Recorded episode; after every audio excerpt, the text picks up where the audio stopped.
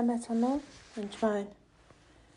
Та бүхэн өнөөдөр амглаг ялтахын. Тэгээд цэцглийн шархтаа шархыг эдгэх явдал бол маш чухал. Ялангуяа баасан дээр суусан ялаа байдаг л да. Тэгэл байж байгаа л хурж идэв. Эсвэл чихэр дээр ирж байгаа ч юм уу ялаа эсвэл гэрлүү ирж байгаа дэнгийн ирвэхэж гэх юм уу. Тухайн зүйлийг одоо алга болохоос нааш тэр нь шавсаар байдаг тийм шавж амтд байна л да өг торхоонууд. Тэгэхээр энэ бүх зүйлийг өөрийн арилгахаас нааш алга болдгоо зүйл байдаг. Тэгэхээр ялангуяа сүнслэг цэвэрлэгийн дээр шархыг эдгэх явдал маш чухал. Яг бол энэ шархаар дамжиж орж ирсэн бузар сүнсүүд эсвэл шархнаас болж нэгдсэн үүд хаалгуудыг хаах явдал маш чухал. Тэгэхээр мэдээж уучлал идэрлийг эзэн бурхантай хамт хийдэг бол яг ямар ямар сүнс орж иж болох вэ гэдэг талаар бас ярий. Хамгийн ихэнд бол айцын сүнс орж ирдэг ба. Ялангуяа сэтгэл санааны дарамтанд дурдсан одоо бие махбодын дарамтанд дурдсан үгийн ч юм уу дарамтанд дурдсан хүмүүс айцуд орж ирдэг. Янз бүрийн айцуд одоо амжилт харахаа сайхан айц, хүнээ сайхан айц ч юм уу дормжуулахаа сайхан айц, махан бие одоо ядгийн янз бүрийн юмнаас болсон айцуд байгаа. Тэгэхээр бурхан биднэрт айцын сүнсийг бол өгөөгүй. Тийм учраас айцын сүнсийг бол хөөх хэвэл маш чухал. Тэгээд айдаг зүйлээсээ юунаас болоод тайсан бэ? Жишээл харанхуугаас айсан уу? Утга шүүг барьсан хүнээс айсан уу? Тэр бүгдийг одоо тодуулсан сулж айсан уу гэх юм уу? Тэр бүхнийга цэвэрлэж уучлахын уучлж явуулах нь явуулах хэрэгтэй байж байгаа. Аа тэгээд буруутгалын сүнс маш их орж ирдэг ба. Аа буруутгач сүнс бол одоо хаасаагүй байдаг сүнс чамааг болон хав орчныхоо хүмүүсийг буруутгаад байдаг. Тэгээ ялангуяа энэ продуктлагчийн сүнс өөрөө ч нэг продуктдаг ба чи чадахгүй чи одоо хинж биш ч гэдэг юм уу тий. Чийл буруута чийл салсан чийл одоо одоо ийм хов заяатай учраас ингэсэн ч гэдэг юм уу. Чийл библийг уншаагүй. Одоо чийл одоо бурхны санаж мэдэхгүй юм гэдэг юм уу. Чи бурхны анжилт байхгүй ч гэдэг юм уу. Тийм эсрэг юм ярьдаг ба а тэгээд гим нүгэл хийх тоолонд ч л одоо чи гимш сайн гимшгүй байх ч гэдэг юм уу. Тэгж хэлдэг ба тэгээд буруудах сүнсийг бол хөөх ёстой Аа тэгээд тэрнээс гадна тэр буурдах шалтгаануудыг нь олох уучлал зөвлөх бол маш чухал байгаа. За тэгээд хатсын сүнс маш их орж ирдэг. Аа тэгээд тийм дээрлэхүү сүнс бас их орж ирдэг байгаа. Үнчрлийн сүнс их орж ирдэг. Аа үнчрлийн сүнс бол үнэхээр одоо маш муухай сүнсэлтэй.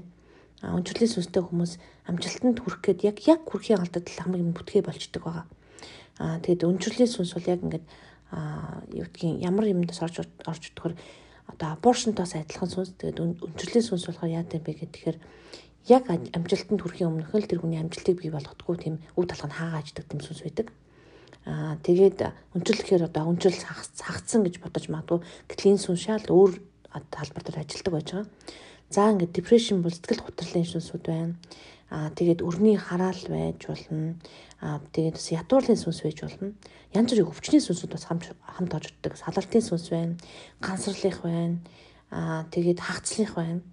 Аа тэгээд санхүү хүлээс хүлээсүүд орж ирдэг. Бас ганцаардлын сүнс бас орж ирдэг. Яг бол ганцаардуулж өнчүүлэх зорилго маш ихтэй. Ганцаардуулах зорилготой.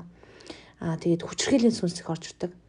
Аа тэгээ хүчрхийл тэгээд дарангуулын сүнсүүд их орж ирдэг байгаа. Тэр үед дарангуул хүчрхийллийн сүнс зайл гэдэг хөөхстой.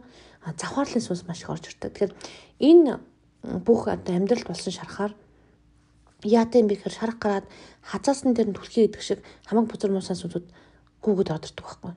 Жишээлбэл хагалгаа хүн таалгаа 6 7 одоо хэлгсэн хүн дээр 6 7 удаа үхлийн сүнс орж ирсэн байдаг жишээлхэд. Тэгээд өвглийн сүнс тийм олон гарсан байгаа. Нэг сүнсийг өгөөл дахиад хөөдөг. Энд хөөцсөн мэт энэ багшаа гэж хэлдэгдэггүй. Энэ та хэдэн удаа яг хаалгаанд орсон юм бэ?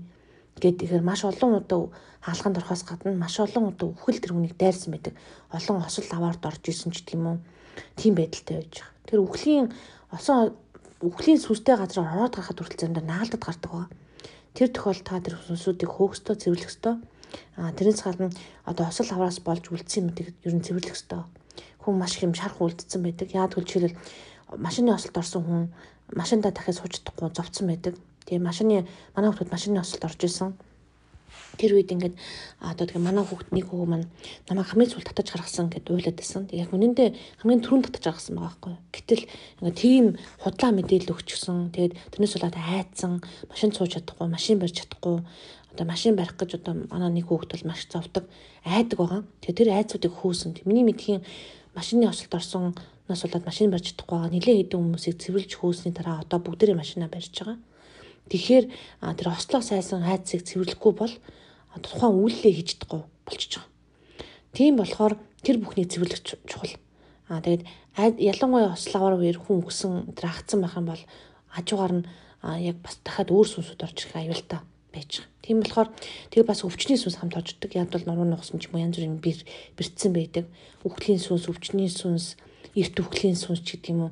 Ийм янз янзын сүнсүүд хажуугаар нь тайрдаг ба. Тэгээ тэр бүгдийг цэвэрлэх маш чухал ба. Тэр гүн сэтгэлийн шарахыг бол үнэхээр Иесус Христээр очиод эзэн минь яг энэ шарахыг та эдгэж чөлөөлж өгөө цэвэрлэж өгөөч ээ гэд очиход эзэн бол үнэхээр эдгэж чөлөөлдөг байгаа шүү. Бүр мөсөн эдгэн аа тэгээд сэтгэлийн шарах бол ямар хугацаа орохыг бол би хэлж мэдэхгүй. Заримдаа өдөртөө идэх нь, минутандаа идэх нь, заримдаа жаахан хугацаа ороод дахин дахин ярих тохиолдол гарч барч болно. Тэр нь тайран битээ гутраараа идгэрж байгаа шарахыг одоо хурдан идгэрсэнгүү гэж орилоод байж бол болохгүй шүү. Тэгээд яг эзэн бурхан дээр очих үед үнэхээр та үнэхээр таныг Иесус идгэн аа тэрэнд бол бүрэн итгэж болно. Танд амжилт хүсье. Баярлалаа.